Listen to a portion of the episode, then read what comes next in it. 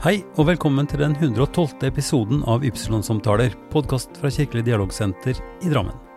Navnet mitt er Ivar Flaten, og i denne episoden snakker jeg med Kent Remi Westergren.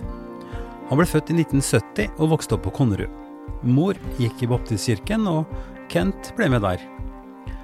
Han var tidlig klar over at han skulle bli prest, sjøl om han ikke helt vil innrømme det.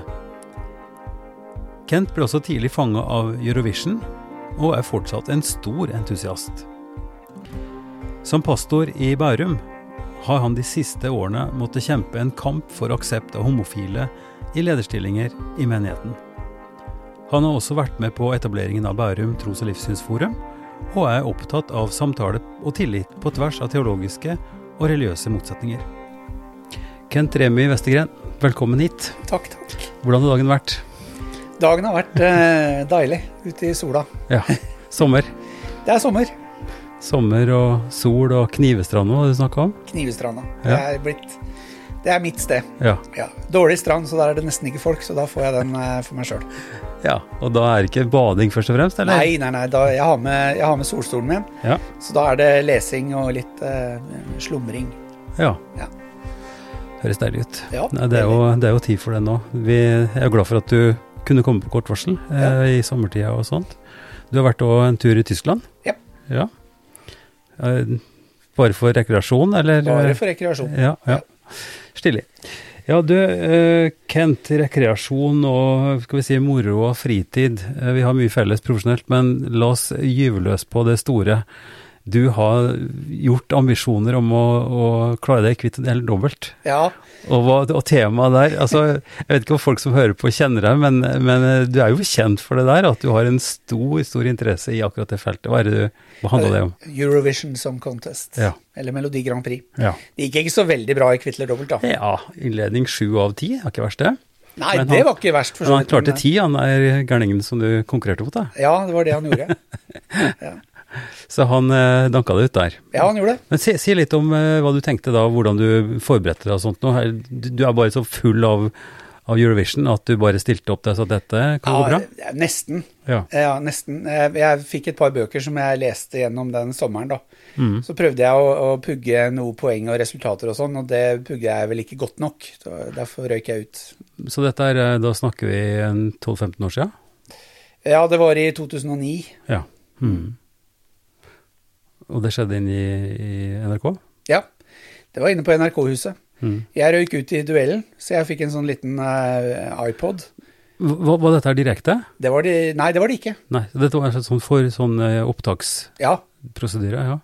Ja. Jeg bare si litt om det, var det mange der? Hva, slags folk var det og sånn? Ja, det var, eh, det var jo mange. Det var jo de som, som konkurrerte. Det var litt forskjellige temaer. Mhm. Eh, Så vi fikk eh, ha med oss eh, ett eller to mennesker inn sånn på forhånd, spiste litt middag sammen og ble litt kjent. Mhm.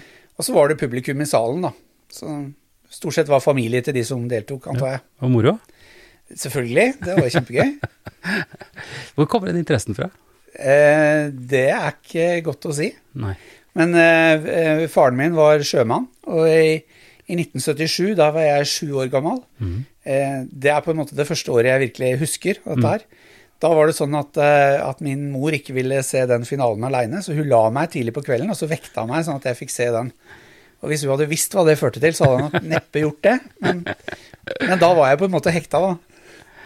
Altså, jeg husker tilbake sjøl at det her med, med Eurovision var stort. Ja, Altså at vi samla familien, det var eh, ordentlig. Nesten litt sånn gammeldags eh, TV-Erik Bye. Altså riktig langt tilbake så var jo lørdagskveldene med, med det her standard NRK-underholdningsprogrammet, det var jo virkelig en stor ting. ja, Eh, og, og, og Eurovision varte veldig mye lenger med den samme feelingen, har jeg følelsen av. Altså at folk Ja, eh, stilte opp og sa at det var noe veldig, veldig spesielt. ja. Og sånn var det for deg også fra såpass tidlig alder. ja, ja. Mm. Hva var det som hekta det, tror du? Eh, Det, det, det, altså det, er, det er poeng, og så var det eh, distrikter eller steder når du kom i den eh, internasjonale finalen. Så, så den kombinasjonen av, av poeng og steder, konkurransen og musikken som jeg etter hvert likte, så, så ble det sånn. Hmm. Eh, Fra den eh, 77 var også første året jeg satt oppe og så valgvaken og fulgte med på resultatet av stortingsvalget. Da. Ja, Så, og det var det samme. Det var poeng og distrikt og like fascinert av politikken? Nei. Det har, ikke, det har ikke hengt seg like mye med. Men jeg, jeg tror kanskje jeg følger med litt, da. Men uh, Eurovision betyr mer. Eh, ja, om det betyr mer, det vet jeg ikke. Det er mer show. En gang i året, i hvert fall. Ja, og det, altså nå er jeg jo på ingen måte noen ekspert på ja, Overhodet ingen ekspert, jeg har veldig lite kunnskap om det, men jeg opplever at det er jo, det er jo fryktelig mye glitter og glem og, og nettopp show, eh, i større grad enn Altså musikken, jeg er musikkinteressert, men musikken føler jeg kanskje er bare en nokså liten del av det. Eh, Eller Ja. det er kanskje feil sagt, men Nei, jo, men av sendingene som en gang i året, så er det show og glitter og glam Ja, som er greia. mm, mm. Men så eh, i etterkant av det, så må jeg jo høre på musikken, da. ja. Og da blir det bare å høre. Og Mm, da, mm. Så da er ikke showfaktoren like Nei, stor. nei. Og, du, og du, du fester det i minnet ditt, sånn at du kan huske tilbake på hvilke låter som vant hvilke år, og artister og, Men og det er nok mest, og eh, sånn. mest på de, de eldre tinga. De siste åra så har det liksom ikke festa seg så mye, da. Nei. Nei, men det har, jo med, det har jo med alderen å gjøre, har ikke det? Vi er, ikke, vi, er ikke, vi er ikke så adaptive Nei, lenger. det er noe med det. Ja, ja.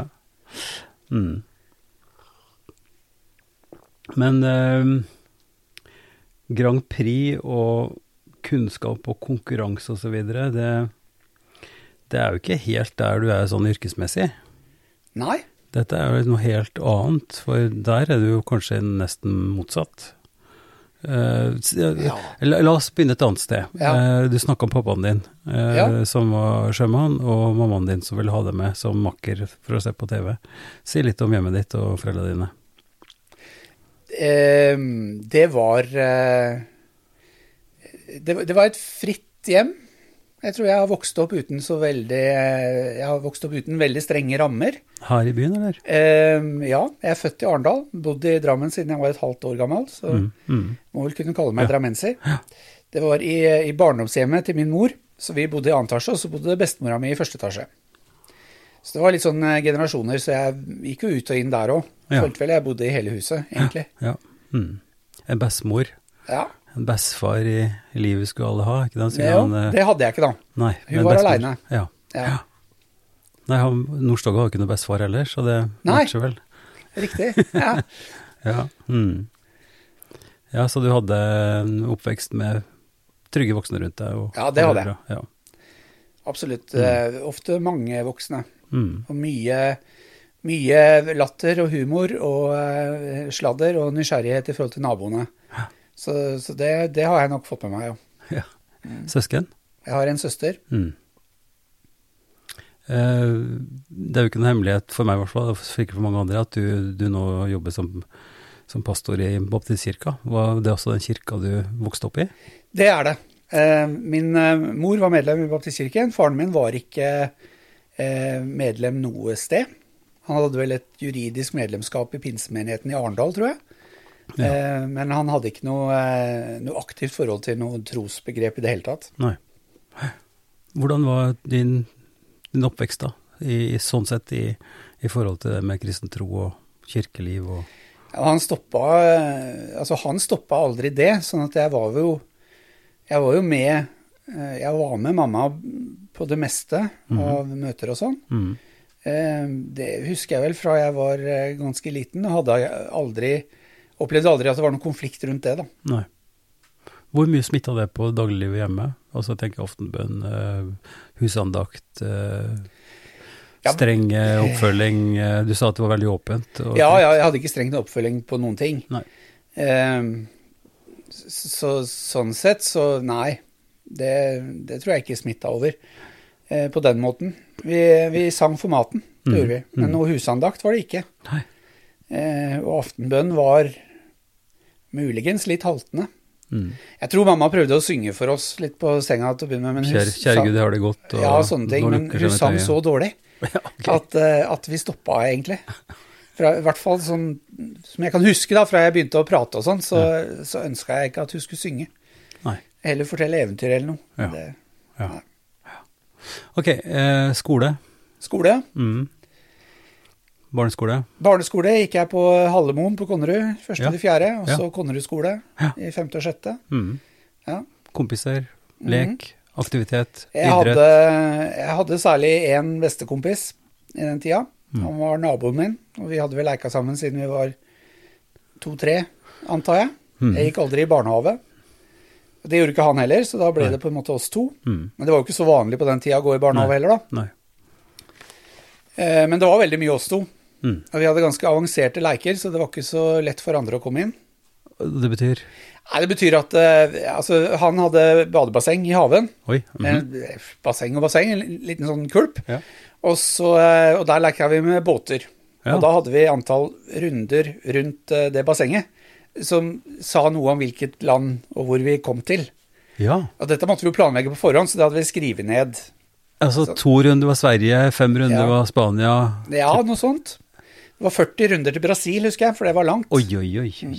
Og det var, eh, det var så, Jeg husker faren til han kameraten min, han, han lærte seg det der etter hvert, for han skjønte at når han skulle rope inn til middag og sånn, så hvis vi var i Brasil, så måtte vi jo gå de 40 rundene før vi kunne komme inn. Eh, Og han skjønte det, så han var tidlig ute med å rope.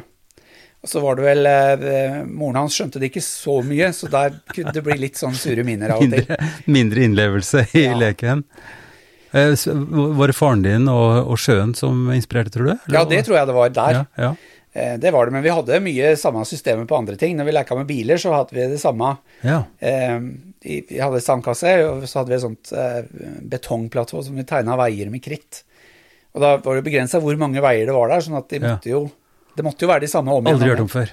Veldig fascinerende. Ja, Altså, vi, vi Mo leste for oss uh, 'Kaptein Grants barn', som var en bok om Det, det, Der var en kaptein, og det var historier og sånt, og da seila vi. Vi hadde på setra, da, i Trollheimen. Så demte vi opp, så vi hadde en sånn liten demning. Eh, og så laga vi tre, trebåten, og den båten, da. Kapten, så vi lekte 'Kaptein Grans barn'. ja. Men ikke sånn med distanse og Det, det, det høres det, det er tøft. Det er kult, som du sier, ganske avansert. ja det, det var litt avansert. Og så eh, hadde vi, vi hadde tog også. Eh, jeg hadde fine brosjyrer, sånn at jeg visste alle stasjonene i Norge. Eh, så jeg kunne sette opp det på en liste. Og så eh, hadde vi et eh, Vi kjørte en sånn gammel trillevogn. Ja. Og så hadde vi søstera mi som passasjer, så hun sto på det der betongplatået, da. For det var en veldig flott perrong. Ja. Så kunne hun gå oppi. Men hun ble litt sur, for vi kjørte jo forbi henne hele tida. For, fordi at hvis, hvis hun sto på Grong, så kunne ikke vi Vi kunne jo ikke stoppe for henne hvis vi var i Lillestrøm, liksom. Det, det skjønte ikke hun, da. Nei, Og det var ganske mange andre som ikke skjønte den typen leik, som ble, ble litt lei av det der. det kan vi forstå. Så, så vi var veldig bare oss to. Ja. Men sterkt vennskap. Morsomt. Ja, det var sterkt morsomt. Ja, ja, ja.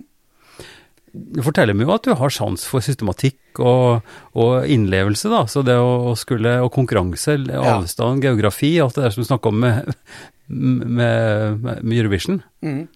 Det jo, Ja, det henger jo sammen. Det, det må jo si det, at det henger Ja, sammen. ja, ja. Men hadde dette smitta over på, på videre skole, da? Altså, Hva var interessen? Var det geografi og, og eh, etnografi, eller sånne altså, Nei, Det, det, det, men da ble det veldig fort norsk.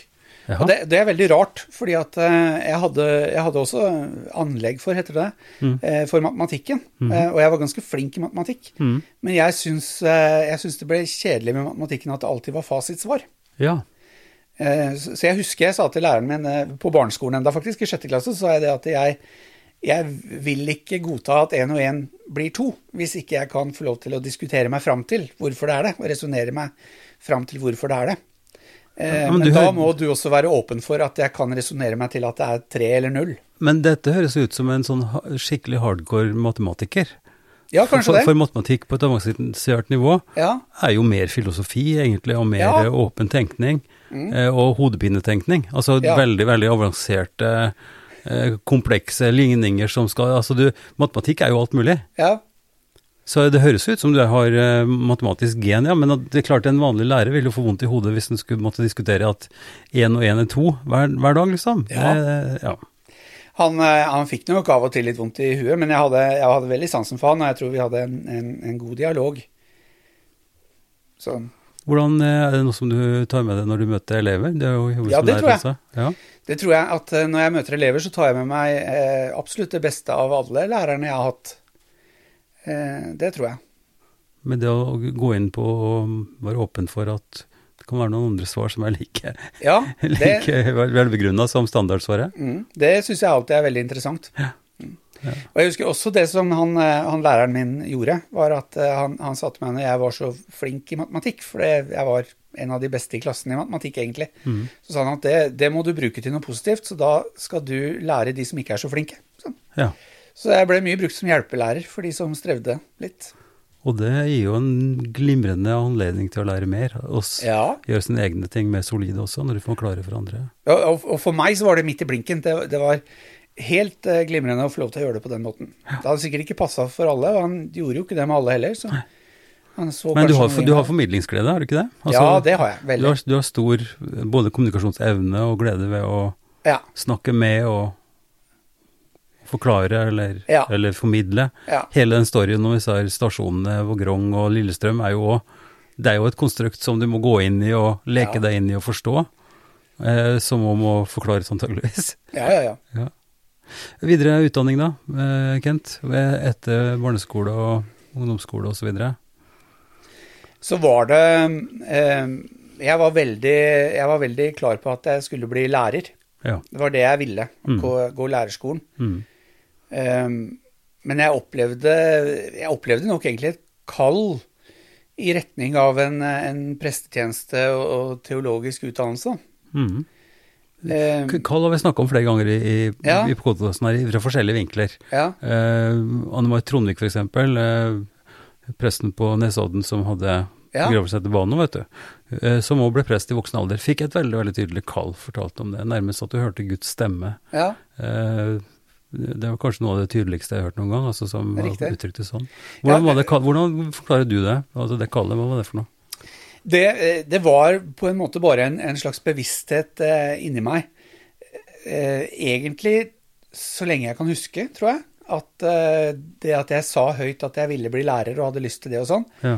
var eh, Jeg visste egentlig at det bare var en, en, en bortforklaring og et forsøk på å komme unna.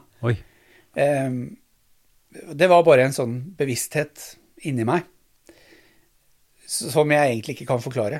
Men det, det Men var, var det noe som du var beskjemma over? Noe som du syntes var litt eh, voldsomt? At du derfor måtte dekke over med å si at lærer Ja. får Ja. Det var det. det jeg husker at, eh, at jeg som, eh, som konfirmant, altså som 15-åring omtrent, så var Mm. vi på besøk på Baptistenes teologiske seminar. ja. Fikk en omvisning eh, og fikk se liksom klasserommene, og også litt sånn hvordan, hvordan disse studentene bodde, da, for de bodde jo på eh, Ja. eh, internat. Mm, Fikk se en studenthybel og litt hva de gjorde sammen og sånn. Eh, og, så, og da tenkte jeg at, eh, at her skal jeg gå, tenkte jeg da. Ja. Og samtidig så, så syns jeg den tanken var så forferdelig, for jeg syns det så ut som de hadde det så fælt. ja vel. Eh, Så, så det, det vekte en sånn avsky i meg. Jeg hadde ikke noe lyst til å gå der i det hele tatt. Hvorfor det? Så det fattigslig ut? Var det, var det det, de hadde jo ikke TV på rommet. Det er, ja, det er jo liksom det jeg kan eh, Men egentlig så Nei.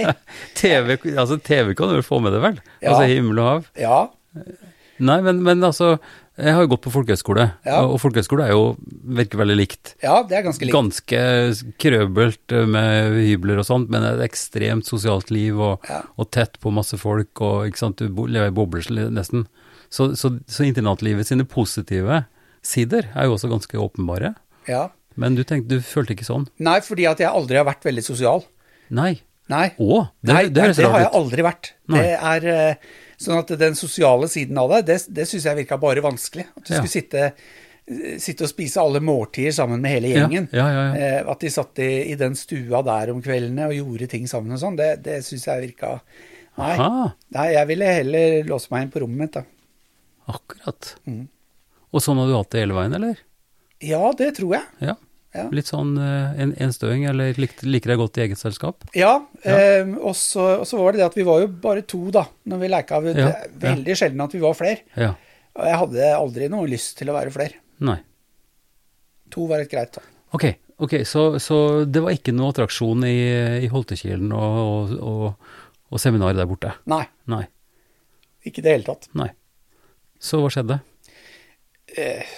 Nei, det, altså, det kom vel til et punkt hvor jeg bare måtte innse at ja, sånn, sånn er det vel. Faktisk så var det eh, en medvirkende årsak til det, var at vi var på skoletur i eh, tredje klasse på videregående. Besøkte Lunden kloster. Ja.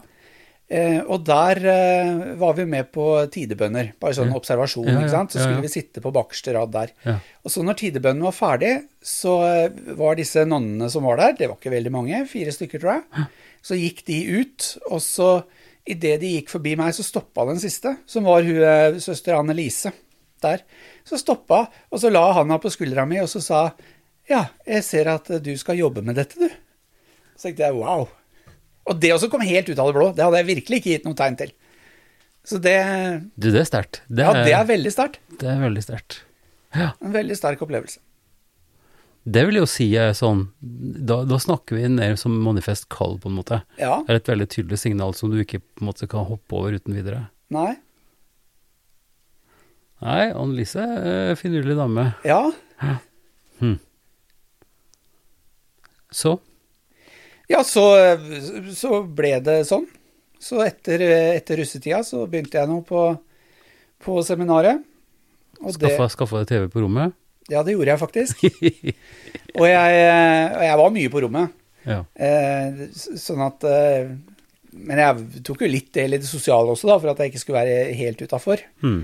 Eh, og var vel ikke det, tror jeg. Nei. Men, men jeg styrte det. Men du framstår jo naturligvis ikke sånn. Altså for, altså jeg kan ikke si jeg kjenner det veldig godt, men du framstår jo som en hva heter det, jovial, direkte, åpen, morsom fyr. Ja. Eh, og det er det jo. Altså, så, Ja. men du sånn er vi jo kanskje. Vi er begge deler, men vi har en dragning mot noe. Og du tenker at du trives best liksom litt i når du kan skjerme deg litt. Og når jeg har skjerma meg veldig lenge, så kjenner jeg at det, da er det nok. Da, Ja. da må jeg ut og treffe noen og sånn. Ja. Så jeg, jeg, kan, kunne ikke, jeg kunne ikke vært i kloster, på en måte, sånn Nei. sett. Men eh, eh, det, altså, jeg henter ikke krefter av å være sammen med andre mennesker. Nei. Jeg blir bare sliten av det. Ja. Selv om det er hyggelig. Ja. Og selv om jeg er omgjengelig og, og glad og fornøyd mens jeg er der og sånn. Mm. Jeg henter ikke krefter av det. Når jeg skal hente krefter tilbake, så må jeg være aleine. Veldig interessant. Ja. Altså, hva, hvordan, hva ser vi av folk, tenker jeg? Hvordan Ja. oppfatter vi hverandre? Det er ganske eh, Ja, det, vi, er ikke, vi er ikke nødvendigvis sånn som vi ser ut, nei. Nei, det Nei. tror jeg ikke vi er. nei. Ok, hvordan trivdes du da? Var det, det, teologisk utdanning, eh, seminaret Altså, jeg har tatt teologisk utdanning som utgangspunktet tar Altså profesjonsutdanning er seks år på MF, pluss ja, inklusive, in, inklusive teorien. Er det noe tilsvarende dere Ja, det er fire år. Det er et fireårig studium. Ja. Så det tilsvarte på den tida, het det kristendom storfag. Ja. Nå er det jo noe Master, tenker jeg. master, Ja. tenker jeg, også. ja. Det er der, og så har du mulighet til å bygge opp til bachelor. Det er jo lagt opp helt annerledes der nå. Ok. Ja, altså skolen er blitt helt annerledes. Ja, ja. Og den drives jo nå sammen med pinsebevegelsen, og Ja, det er en helt annen skole, sånn sett. ja, Eh, Men, men eh, ja, kristendom storfag het det, det som jeg fikk. Det som var når jeg, når jeg begynte der, så fikk jeg mange eh, henvendelser og på en måte advarsler fra folk som sa at, eh, at eh, å studere teologi er, det er, det er skummelt. Vær er forberedt nå på at de river troen din i stykker. Ja, ja, ja. Ja, Ja. Det, det hørte jeg fra mange, altså. ja jeg, har jeg hørte det ikke av mange, men det, jeg opplevde at det var mange som følte det sånn. Ja, Jeg, Det var jo et stort kull. Starta i, i 74, 75 på MF. Eh, og da var det nok mange som kom fra, ja, fra bedehusmiljø og, og fra sterke kristne miljø, som, eh, som fikk virkelig rista opp i begrepene sine og måtte tenke på en litt annen måte. Og det var det også noen av de jeg studerte sammen med som fikk. Jeg opplevde eh, aldri det. Jeg opplevde at ting ble satt på plass. Mm. Og at jeg fikk et, eh, et helhetlig system på ting som bare var løse tråder fra før. da. Hmm. Det var, eh, så det var, det var bare en positiv opplevelse for meg. Si litt mer om det. Eh, hvordan funka det, liksom? Eh, løse trådene, hva handla det om? At én og én faktisk ble to eller tre? Ja, det gjorde jo faktisk det, da. Eh, men men nei, det, der er, det der er litt sånn vanskelig å si. Ja, men, ja. men jeg er jo vokst opp med den der typiske eh, skal vi si søndagsskoleformidlingen og, og Ja. troen som er ja, ja. eh, til dels enkle svar, men i hvert fall veldig klare svar. Mm, Om det ikke er enkelt bestandig, Mm. så i hvert fall klart liksom sånn er det, og sånn ja, er det ikke. Ja, ja. Og så, og så kunne vel jeg i mitt stille sinn tenke at, eh, at jeg ikke alltid syntes det var så klart. Mm. Eh, og stille noen spørsmål ved det og sånn. Og så, Mm. og så kom jeg inn i en setting hvor det var Det var på en måte greit å stille de spørsmålene. ja. Eh, og vi klarte å lande det på et eller annet vis. Og hvis vi ikke landa det, så, så ble det landa i at eh, ja, men da, da lander vi det ikke mer, da. Nei. For da, da er det der, og mer enn dette vet vi ikke. Ja. Så, så det var en litt eh, Det ble en ny måte å se ting på for meg. At det ikke skulle Du fikk, du fikk på en måte ryggdekning Ja, på den feelingen som du i utgangspunktet hadde. ja. Ja. Og hvorfor jeg hadde den, det har jeg lurt på mange ganger. Eh, hvorfor har ikke alle den? For alle har jo ikke den. Men eh, Nei, men også med den innstillinga du hadde til matten, så Ja. måtte det være ganske åpenbart at du var på et litt annet sted enn de som bare sa at ja, mm, ok, ferdig. ja. Og så søke trygghet i nettopp svara. Mm. For det er også en kategori folk, ikke sant. At Ja. du, du skal helst ha det klart, og hvis ikke det er klart, så er det skummelt. Ja, da er det skummelt. Eh, Det, det opplever jeg nå også, eh, fra folk som syns at jeg ikke har klare nok svar. Ja. Det er ikke så veldig mange av dem, egentlig, men, men noen er det. Ja. Eh, og da, da blir det uklart og skummelt. Mm. Det kreves nærmest av det som pastor og som teolog at du skal kunne gi svaret. Ja, eh, jeg har ikke opplevd det så mye, men jeg har opplevd kanskje litt sånn eh, Litt stikk fra noen om at, at hvis jeg ikke har hvis jeg ikke har disse gode svarene, så, så kan jeg jo ikke veilede noen. For, for hvordan skal noen komme videre hvis de ikke vet svaret? Det får jeg som et stikk noen ganger. Men heldigvis er jo det ganske kontra det vi vet om veiledning. Ja, det er Altså, det for så så hvis vi snakker profesjonell veiledning, så sitter du der med svaret som du bare skal formidle, så er du ingen veileder. Nei, det er helt Altså sant. du skal hjelpe til, og du skal snakke, du skal gi holdepunkter, du skal gi muligheter for å finne ut av ting og komme Mm. seg videre. Så jeg tenker jo at eh, veiledning er noe helt annet enn å kunne sitte med en fasit. Ja. Er det er- er du ikke enig- er du ikke enig i det? eh, det? Det har vært litt min kjepphest eh, egentlig lenge. At jeg har, eh, jeg har sagt litt sånn at jeg eh, tror ikke at jeg kan vinne menneskers tillit hvis de opplever at jeg har eh, svaret på deres problemer før jeg får høre hva deres problemer er. Og det, det tror jeg jo ikke. Jeg tror, Nei. Nei, det der er, ja, det der er en, eh, det der er en stor greie naturligvis, og, og, en, og det har mange implikasjoner da. Eh, ja. Eh, Fordi når det nettopp, altså sannhetskriteriet går ut på det at du skal kunne nærmest vite og gi klare svar på det meste. Altså at det er bare snakk om at du leter lenge nok, eller bare blar nok det riktige sted i Bibelen, eller, Mm. eller går langt nok ned i tradisjonshistorien vår, så finner du svaret, og da svaret sånn. ja. Eh, universelt og, og, og en, entydig. Eh, og jeg tenker jo som du at det der framstår som helt som helt umulig, både som erkjennelsesteoretisk og, og filosofisk Ja. eh, umulig. Så sannhet må være noe annet enn 1 pluss 1. Ja. Og da er det, det er vanskelig å vite hva sannheten er. Ja. Det, det er jo noe av det jeg strever med. Eh, og i forlengelsen av det så, så vil jeg si at jeg syns det er kjempevanskelig å vite hva Gud er, Mhm. og hvem Gud er. Mhm. Eh, og det har jeg kanskje Det setter jeg jo til veggs med noen ganger, hvis jeg sier det at eh, jeg strever skikkelig med å finne ut av hva, hva eller hvem Gud er. Så eh, får jeg vel høre det at det er forventa av en prest, at jeg i hvert fall skal ha kontroll på det. Men, men jeg tror ingen har kontroll på Gud, da. Er vel, det hadde han ikke vært Gud hvis vi kunne kontrollere han. Nei. My point exactly. Ja. altså hvis, hvis du eh, har så, sånn tydelig oppfatning og vet, og kan definere Gud, da, eh, typisk én pluss 1 svar, så har du samtidig definert at, at det ikke er Gud. Ja. Eh, og det er jo hele mysteriet. Det er jo hele, hele kampen, hele, hele strevet vårt som teologer og, og sånn, og at vi skal forholde oss til en, en dimensjon og en virkelighet som nettopp ikke er etterprøvbar eh, vitenskapelig, Ja. med de verktøyene vi har i den tradisjonelle vitenskapen. Ja. Eh, og formidle det, og formidle hva, den, hva dette med, med Gud, gudsbegrepet, det som vi lærer i tradisjonen og i skriftene og i, i møte med hverandre, det, det er utrolig åpent. Og, så sånn sett så, så vil jo din diskusjon med læreren din tidlig gi nettopp det signalet, at du har to i deg til å kunne bli en bra teolog. Eh, Ja, kanskje det. Eh, Men det, det sier jo også noe om at det er den typiske postmoderne mennesket.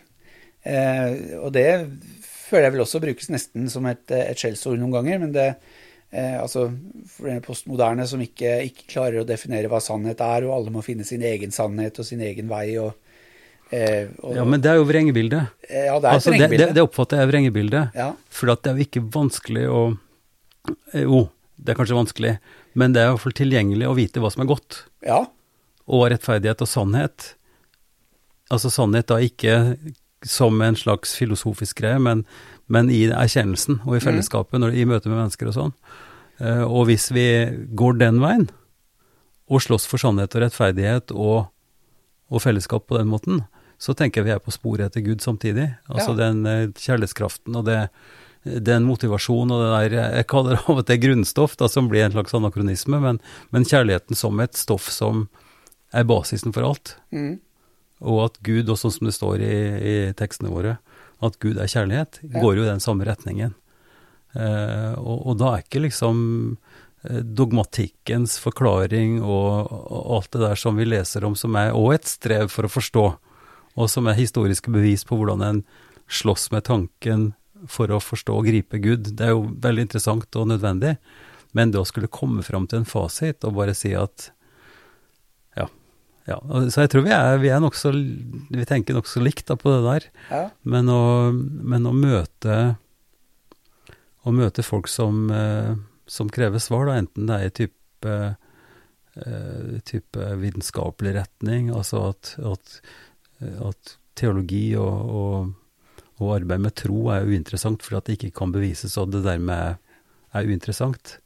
Det er jo noen som, som er på det stedet, Ja. men, men jeg syns det, er- jeg syns det er litt korttenkt, rett og slett.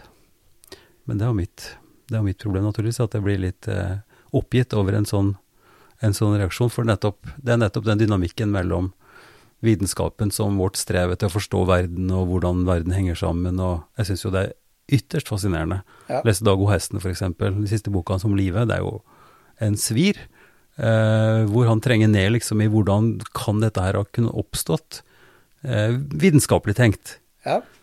Eh, som på ingen måte eh, i, i, i, for meg stenger Guds dimensjon ute. Men det er, en, det, det, er to, det er to lag, det er to forskjellige ting og måter å tenke på. Ja. Jeg, jeg har i hvert fall tenkt sånn at, eh, at det kan jo ikke være Sannhet kan jo ikke være at jeg later som jeg vet noe jeg ikke vet. Nei. Mm. Eh, sannhet må jo være faktisk å, eh, å, å leite etter, etter det som jeg virkelig har, da, og virkelig tror på. Mm. Så det er vel der, jeg, jeg tror aldri, jeg har aldri slutta å leite, så jeg leiter jo fortsatt Mm. etter det. Eh, Men du har jo måttet eh, Altså den som er med på leiken må smake steiken, er det ikke noe som heter? Eh, At du har følt det også i ditt profesjonelle liv. Mm. eh, teologisk, Ja. og, og der ting blir satt på spissen fordi at nettopp to syn kolliderer, eller hvor kravet etter entydighet blir større enn enn, eh, på en måte åpenheten for, Ja. for at det kan være forskjellighet. Veldig tydelig sagt da du har jobba og, og vært aktiv, og er aktiv, som pastor i Baptistkirka, men hvor det ble en konflikt med menigheten i Bærum. Ja. Eh, dette har jo vært åpent i aviser og sånn. Du kan ikke si litt om det er, det var, For da hadde det, det hadde snakk om det var homofili eller en Ja, lesbisk det, er- det, eh, er, det er homofilispørsmålet. Ja, Det som skjedde i Bærum, var at vi valgte en uh, menighetsmedlem som er uh, kvinne, gift med en kvinne, inn i, inn i vårt menighetsråd. ja, Eh, og så eh, reagerte flere enkeltmenigheter på det, og etter hvert eh, så, så reagerte hovedstyret på det, da. Ja, sånn som det står i avisa, jeg har jo googla litt, Ja. så var det jo et stort, stort flertall av baptistmenighetene som ytra seg i den retning at dette ikke var akseptabelt. Ja, det er det.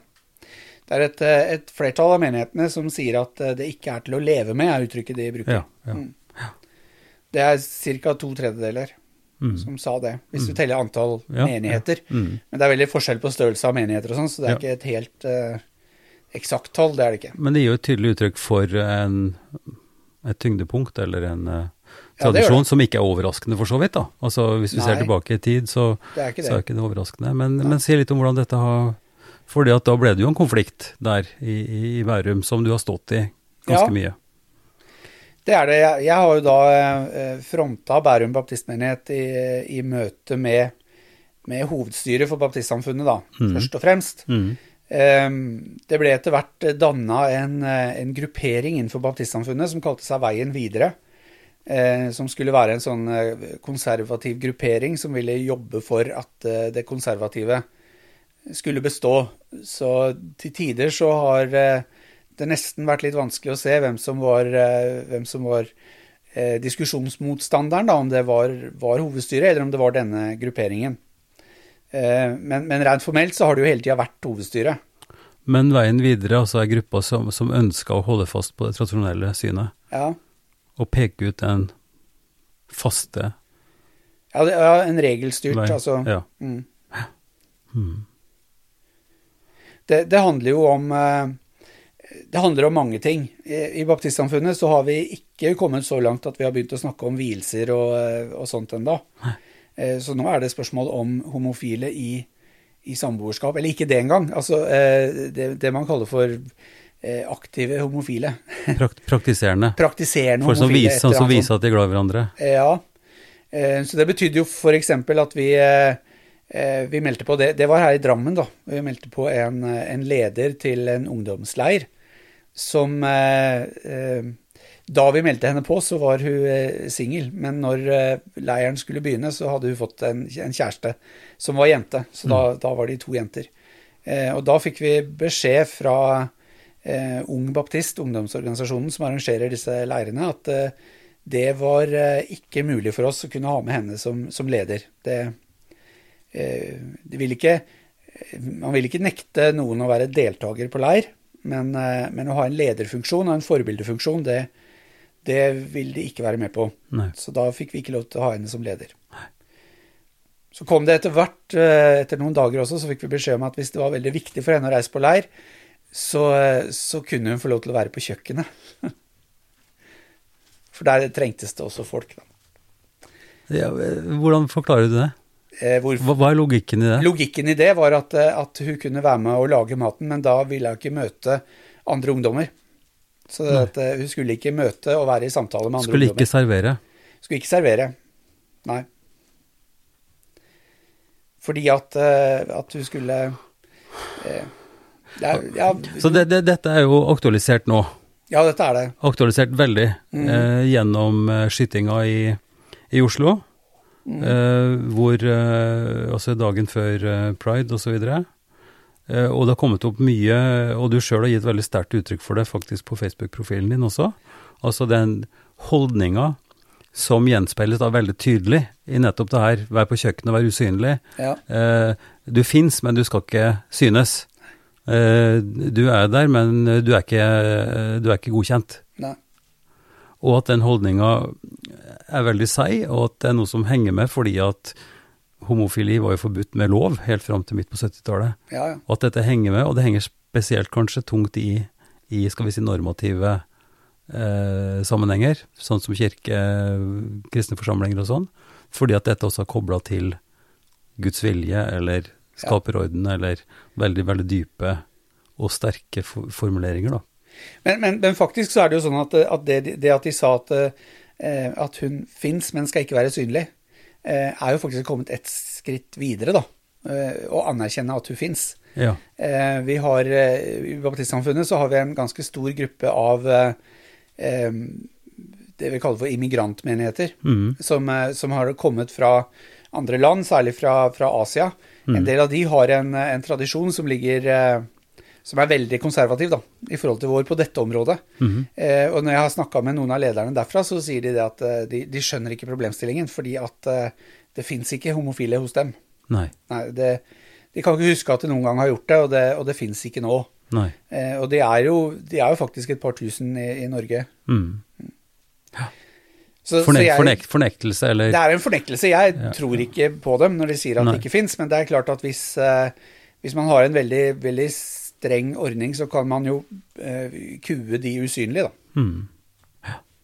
Men det er jo sånn i praksis det vel har fungert også opp gjennom eh, åra, fram til Altså i min bevissthet. Ja. Altså homofile fantes jo ikke i min bevissthet. Nei. Altså det fenomenet, og jeg tror det er veldig mye som er nærmest sånn eh, instinktiv eh, uro ved at en ser sånne ting som ikke som en ikke har sett før. Ja. Altså den generelle angsten for det, det som er veldig annerledes og, og, og unaturlig. Mm. Skal vi si det? Unaturlig fordi at den ikke har opplevd det naturlig. Ja. Det er omtrent det uh, samme som, som, angst for muslimer, ikke sant. Eller de er farlige fordi du aldri har opplevd noen. Du bare mm. oppfatter det som blir sagt om de, og, og så videre. At det er et eller annet der. Slik at det er jo en prosess og, og, det må vi jo si tross alt at Norge antageligvis da på veldig mange fronter er, er, veldig, er veldig, langt framme i det å kjempe for og, og, jobbe for at det skal bli mer åpenhet og, og mer skal vi si, akseptert på, på alle nivåer. Mm. Uh, men at du, du, klarer ikke å forandre folks eller de tradisjonelle holdningene sånn over natta eller på kort varsel. Altså det, hva som henger der. Og, det, og, da kreves det jo kanskje desto mer da, fra religiøse ledere eller fra, fra de forsamlingene som har disse, og, og jobber ekstra hardt med det. Mm. Men hva det betyr, da, det, av teologisk arbeid og av bibelsyn og gudsbegreper og sånn, det, men du har stått midt oppi det, og du sier litt mer om, om det. For det har jo blitt eh, ja, eksistensielt, eller i hvert fall ganske heftig. Ja, det, det, det har blitt heftig. Eh, og, og eh, um, i, i, perioder så har det vært ganske store sånne eh, personlige utslag i forhold til at jeg har fått noen eh, stygge meldinger og, og, stygge kommentarer og sånn. Mm. Um, de eh, som jeg hovedsakelig har, har, diskutert mot, altså hvis du da tenker hovedstyret mm. og lederne for veien videre og sånn, ja. det, har aldri vært noe sånt derfra. Nei. Nei. Eh, de, de, har jo kommet mye mer perifert fra, mm. Mm. Eh, og kanskje fra noen jeg ikke veit hvem er engang. Mm. Eh, men det er klart jeg har et helt annet forhold til de som jeg eh, diskutere med sånn i, på lederplan. Men, men det, har, det, har, vært et eh, det, det, har, det, har, vært slitsomt fra dem også, fordi at, at det blir så eksistensielt, da. Og mm. fordi at uh, en del av Ikke egentlig argumentasjonen, men, men, det ligger en følelse bak der at dette handler jo om Det handler om, om, troen min. Det handler om hvorvidt troen min er, er god nok. Om jeg har misforstått noe helt grunnleggende. Om jeg gjør Gud til noe Gud ikke er. Og, og, det er jo ganske det, det er ganske harde anklager. Mm. Det, så det går jo inn på meg. å Men, men, men det, da snakker vi om en spissformulert teologisk samtale, ja, gjør vi det? Ja. Eh, hvor posisjonene er veldig forskjellige? Posisjonene er veldig forskjellige, og mye av det handler vel på en måte om eh, bibel eh, ikke, ikke, nødvendigvis bibelsyn, men bibel, bibelforståelse, da. Bibeltolkning. Mm. Eh, at eh, eh, når det, når det, sies at vi, vi, må gå til Bibelen, og så må vi liksom lese ord for ord, og alt vi mener, må vi finne noe der som eh, som viser at vi, altså, som gjør at vi kan stå for det vi, vi mener, da. Mm. Utad. Eh, og så, så, sier jeg at ja, men Bibelen, Bibelen er jo Jeg tenker sånn at Bibelen, har vi fått Bibelen, er, har vi fått som en hellig bok. Eh, Guds ord kan diskuteres, ordbruk og alt sånt, men, men dette er en hellig bok som, som, er gitt oss, og som eh, egentlig er i utgangspunktet det vi vet om Gud, finner vi der. Mm. Eh, men den, den boka, den, den, den, krasjer jo på en måte da med, med, det samfunnet som vi lever i i dag, den oppdragelsen vi har fått. Den, eh, den krasjer med, med eller, krasje blir jo kanskje et negativt lada ord, men den, den, den, kolliderer på en sånn måte at vi må holde dette sammen på et mm. vis. Mm. Mm. Eh, sånn at samtidig som jeg tar hensyn til Bibelen, så må jeg også ta hensyn til det livet vi lever i dag, og hvordan det skal kommuniseres ut til andre, andre mennesker. Og så er det i det, i det spenningsfeltet der, mm. er det vi lander på en, en tolkning. Mm. Og da er det en eh, tolkning som aldri vil være noe mer enn en tidsbegrensa tolkning, for den, den, vil jo handle om, om, det vi opplever her og nå. Mm. Eh, hvis det er sånn at 200 eh, år fram i tid, så, så, tenker menneskene helt annerledes, ja, så vil de jo tenke helt annerledes i møte med, med dette ordet også, og da, da vil man komme fram til andre løsninger. Mm. Derfor hadde vi helt andre løsninger for 200 år siden også. Ja. Tenker, noen ganger så bruker vi eh, et begrep som levende ord om Bibelen, og da tror jeg det er dette som gjør det levende. Fordi at det hele tida leses i i lys av og i, i, konflikt med og i samforståelse med den tida vi lever i. Da. Ja, og i kontekst. I kontekst. Det som vi kaller kontekst, altså at det er rammer rundt det. Jeg tenker jo, ja, eh, du har skrift, du har Skriften, Hellig Skrift, du har Guds ord, og, og sånn, oss teologer imellom så, så snakker vi også om, eh, om, Guds ord som rett og slett inkarnerte ordet, altså om Jesus ja, og hans ja. gjerning. Eh, og hva han gjorde, eh, som en veldig viktig impuls.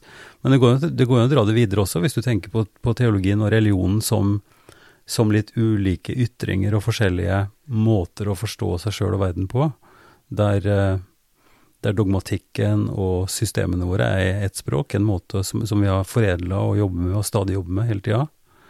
Men erfaringsspråket er jo like viktig. Ja.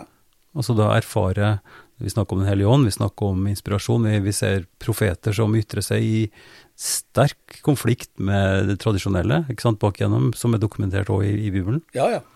Eh, altså så du har på en måte erfaringa og kollisjon av handlingen, handlingsspråket, det du gjør, Ja. måten du møter folk på, måten du framstår på.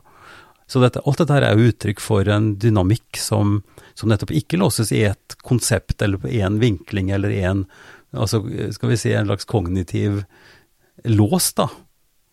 Ikke sant? At du, du har et svar for at det står her, det står, skriften står sånn, og derfor så er det sånn. Ja ja, men altså So. Mm. Eh, og det, det er den konflikten du nå beskriver, det, er- det er den spenninga du nå beskriver. Ja. Som du måtte finne ut av, og som du måtte stå opp for, da. Ja, det, det har jeg vel måttet stå opp for, på et vis. Eh, jeg, jeg må i hvert fall erkjenne og også si utad at det er det jeg står for. Mm. Eh, og, så, og det jeg føler jeg har måttet stå for, ganske tydelig, er å si at det betyr ikke at jeg verken eh, bortforklarer eller nedvurderer eller, eh, eller eh, umyndiggjør Bibelen. Nei. For det er ikke det. Eh, altså, det det er meningsmotstanderne mine vil gjerne si at det betyr at jeg syns Bibelen er mindre viktig i forhold til andre ting, og det gjør jeg ikke. Men, men eh, jeg må forstå Bibelen sammen med alt. Mm. Ja. Mm. Krevende. Det er krevende. Det er, det, det er jo det strevet vi har stadig vekk når du står på prekestolen og du er gitt ja. den myndigheten at du skal veilede menigheten. Du har fått et, et ansvar for å skulle lese utgitt, altså de tekstene som våre foresatte da, kirka og i baptistsamfunnet. Bruker, dere, bruker tekstrekker dere også? Nei, egentlig. Altså, jeg, jeg står helt fritt. Ja.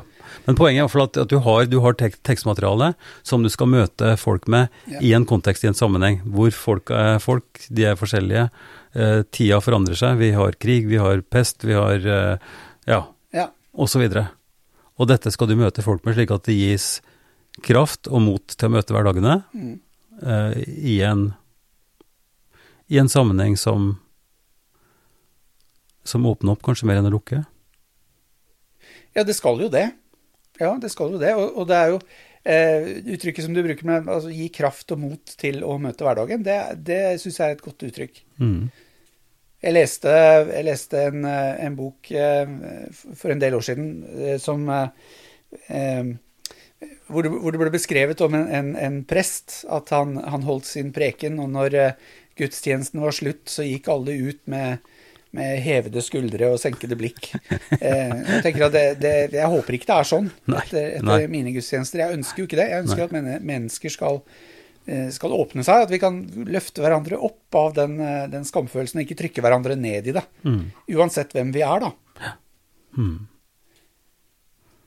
Men eh, den teksten som folk helt sikkert kan lete opp på, du har en åpen Facebook-profil, Ja. eh, der, du, der du skriver litt om refleksjon nå etter den skytinga som var i Oslo før, før pride, og synet på skeive. Nå har det blitt det uttrykket skeive som har blitt sånn helt allment. Ja, nå er det det Eh, vi så, sier. som, som er en slags eh, ja, en positiv kategori, da. Ja. Altså, det høres jo ikke positivt ut, men det er en beskrivelse av folk som har en annen kjønnsidentitet enn den tradisjonelle som vi Ja. snakker om.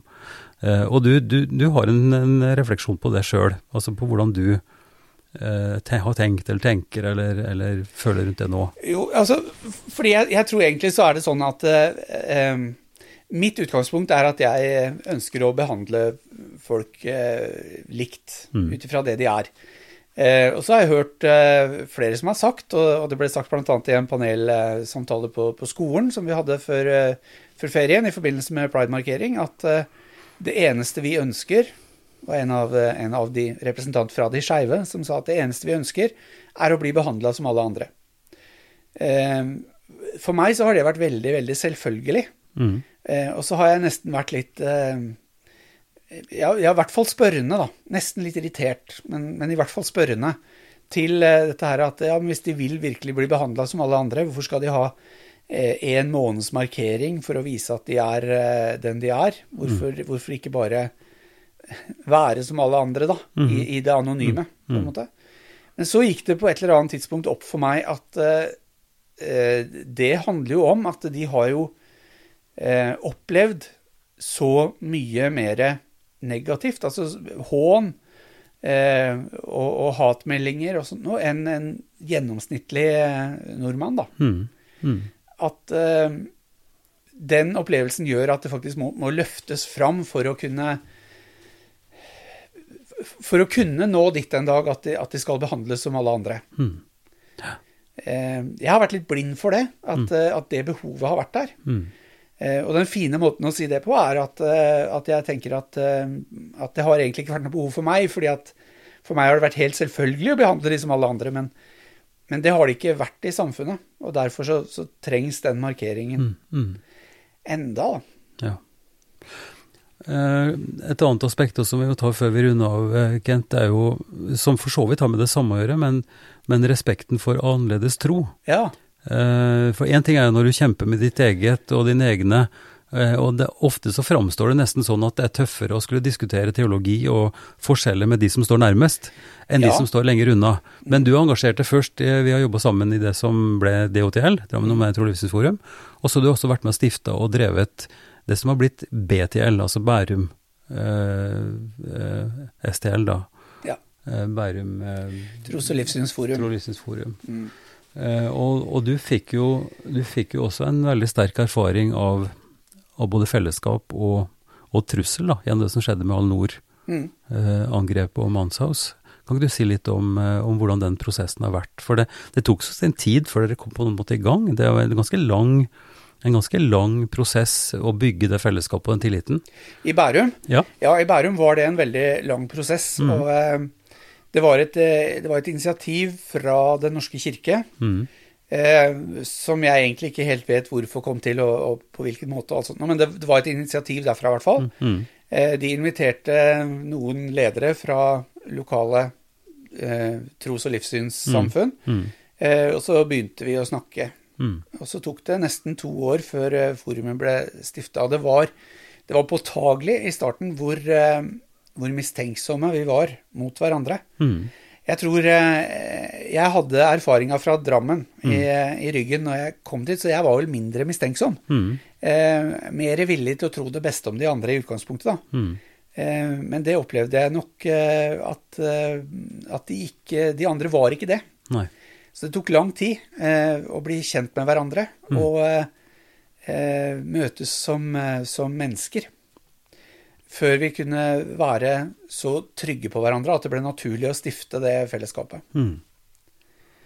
Men så, den erfaringa som da kom med det brutale angrepet, Ja, jeg syns det var ganske rørende det du fortalte om den nærheten som, som faktisk var der mellom imamen der og, og deg, Ja, da. det, det som var veldig morsomt, var at jeg var, var nestleder i Bærum tros- og livssynsforum på den tida, men lederen var bortreist. Mhm. For dette var jo på seinsommer, så han hadde fortsatt ferie. Ja.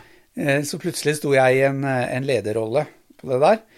Og så eh, ble, fikk du også veldig stor oppmerksomhet eh, utad. Ja. Så det var, eh, var vel dagen etter eh, selve attentatet. De skulle feire id. Mhm. Eh, og vi sto sånn eh, bønnevakt sammen med STL sentralt. ja, ja. Eh, altså For øvrig sånn som vi også gjorde i, Ja, i Drammen, har gjort i flere runder også. Ja. ja. Mm. eh, for at de skulle få lov til å feire id. Og så, Ja, og så ble det da sagt at, at her kommer ordføreren, og Mm. her kommer også statsministeren, Erna Solberg på det tidspunktet. Mm.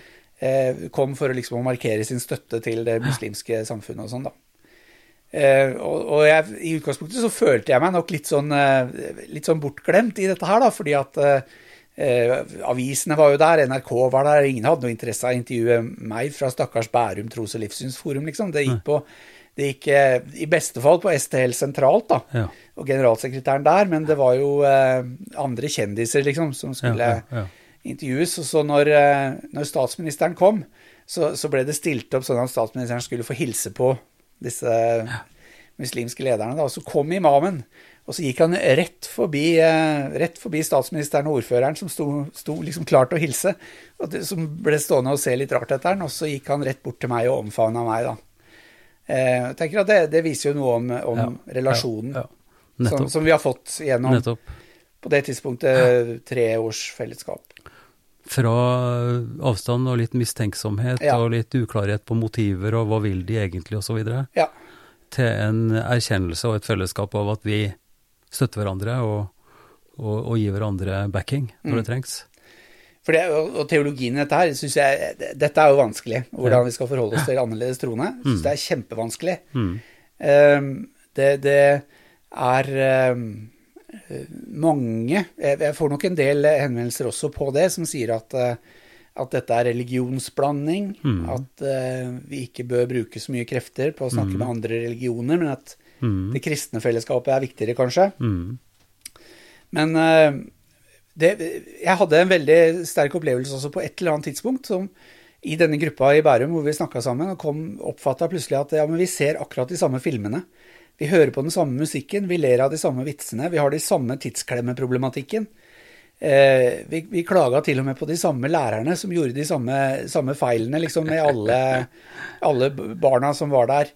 Eh, det var helt på tvers hvem som trente fotballaget og, og alt sånt noe. Og plutselig så så jeg at eh, hvis, hvis noen en dag hadde fulgt en dag hjemme hos meg, eller en dag hjemme hos eh, han som da var forstander for, den, for, for moskeen, eh, eller han som representerte Human-Etisk Forbund, så hadde det antagelig ikke vært så store forskjeller. Nei. Det hadde antagelig vært ganske like dager. Mm. Kanskje, kanskje et bordvers her eller en aftenbønn der eller et eller annet sånt som hadde vært forskjellig. Mm.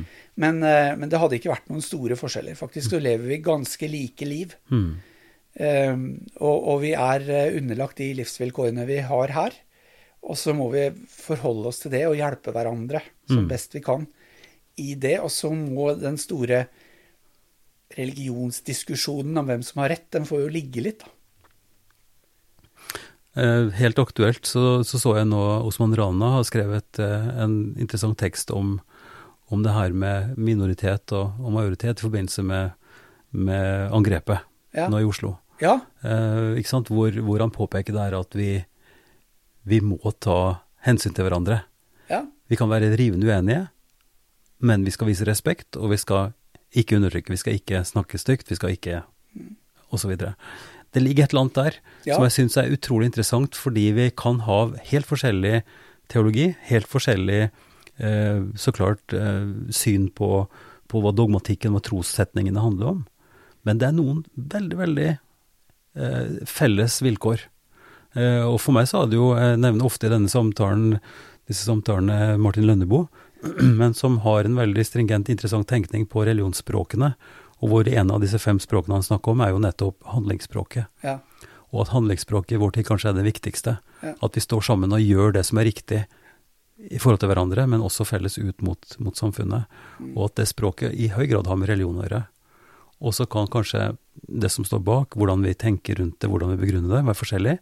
Men hvordan det ytrer seg, eh, er forbausende likt. Det er, eh, jeg hørte faktisk i bilen på vei hit opp, så hørte jeg på en, eh, en sang fra den norske Grand Prix-finalen, og tilbake der, ja, Mm. eh, fra 1997, Mm. som heter eh, Lys, og ble fremført av Manjari, som var en av ungdomslederne i det hinduistiske fellesskapet i Oslo på den tida. Mhm. Eh, og i etterkant av den finalen så fikk, fikk den sangen masse kritikk, og NRK fikk masse kritikk for å ha sluppet den igjennom, fordi at, at den var så tydelig hinduistisk, og at det ikke skulle være noe religiøst språk i den.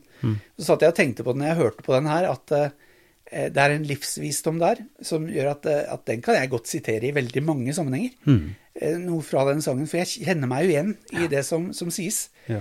Ehm, og, og jeg tror at, eh, at disse forskjellige religionene har faktisk veldig mye felles, uten at det blir religionsblanding. Mm. Men noen ganger så er eh, Noen ganger så må livet trumfe religionen. Ofte, syns jeg. Ja. Ja. Der de krokker, så er det livet må ha forrett, altså. Ja.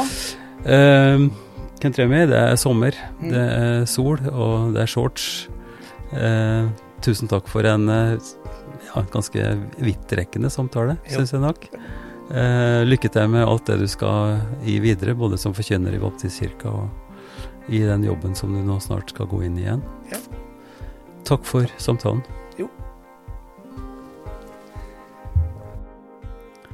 Takk for at du lyttet til Ypsilon-samtalene. Vi går nå snart inn for landing før sommeren, eh, og jeg minner gjerne om og ber om at eh, du, hvis du har noen ideer, ta kontakt på, på mail. Skriv gjerne en mail til ivar krøllalfa ifd.no, altså ivar krøllalfa if for Fredrik, d for David.no. Eh, og komme med forslag til samtalepartnere og ellers innhold til podkasten. Eh, vi kommer med én episode til, og så tar vi fem ukers ferie fram til midten av august. Podkasten støttes av eh, Drammen kommune gjennom IMDi-midler. Den støttes også av Barne- og familiedepartementet og av Einar Juels legat. Vi høres.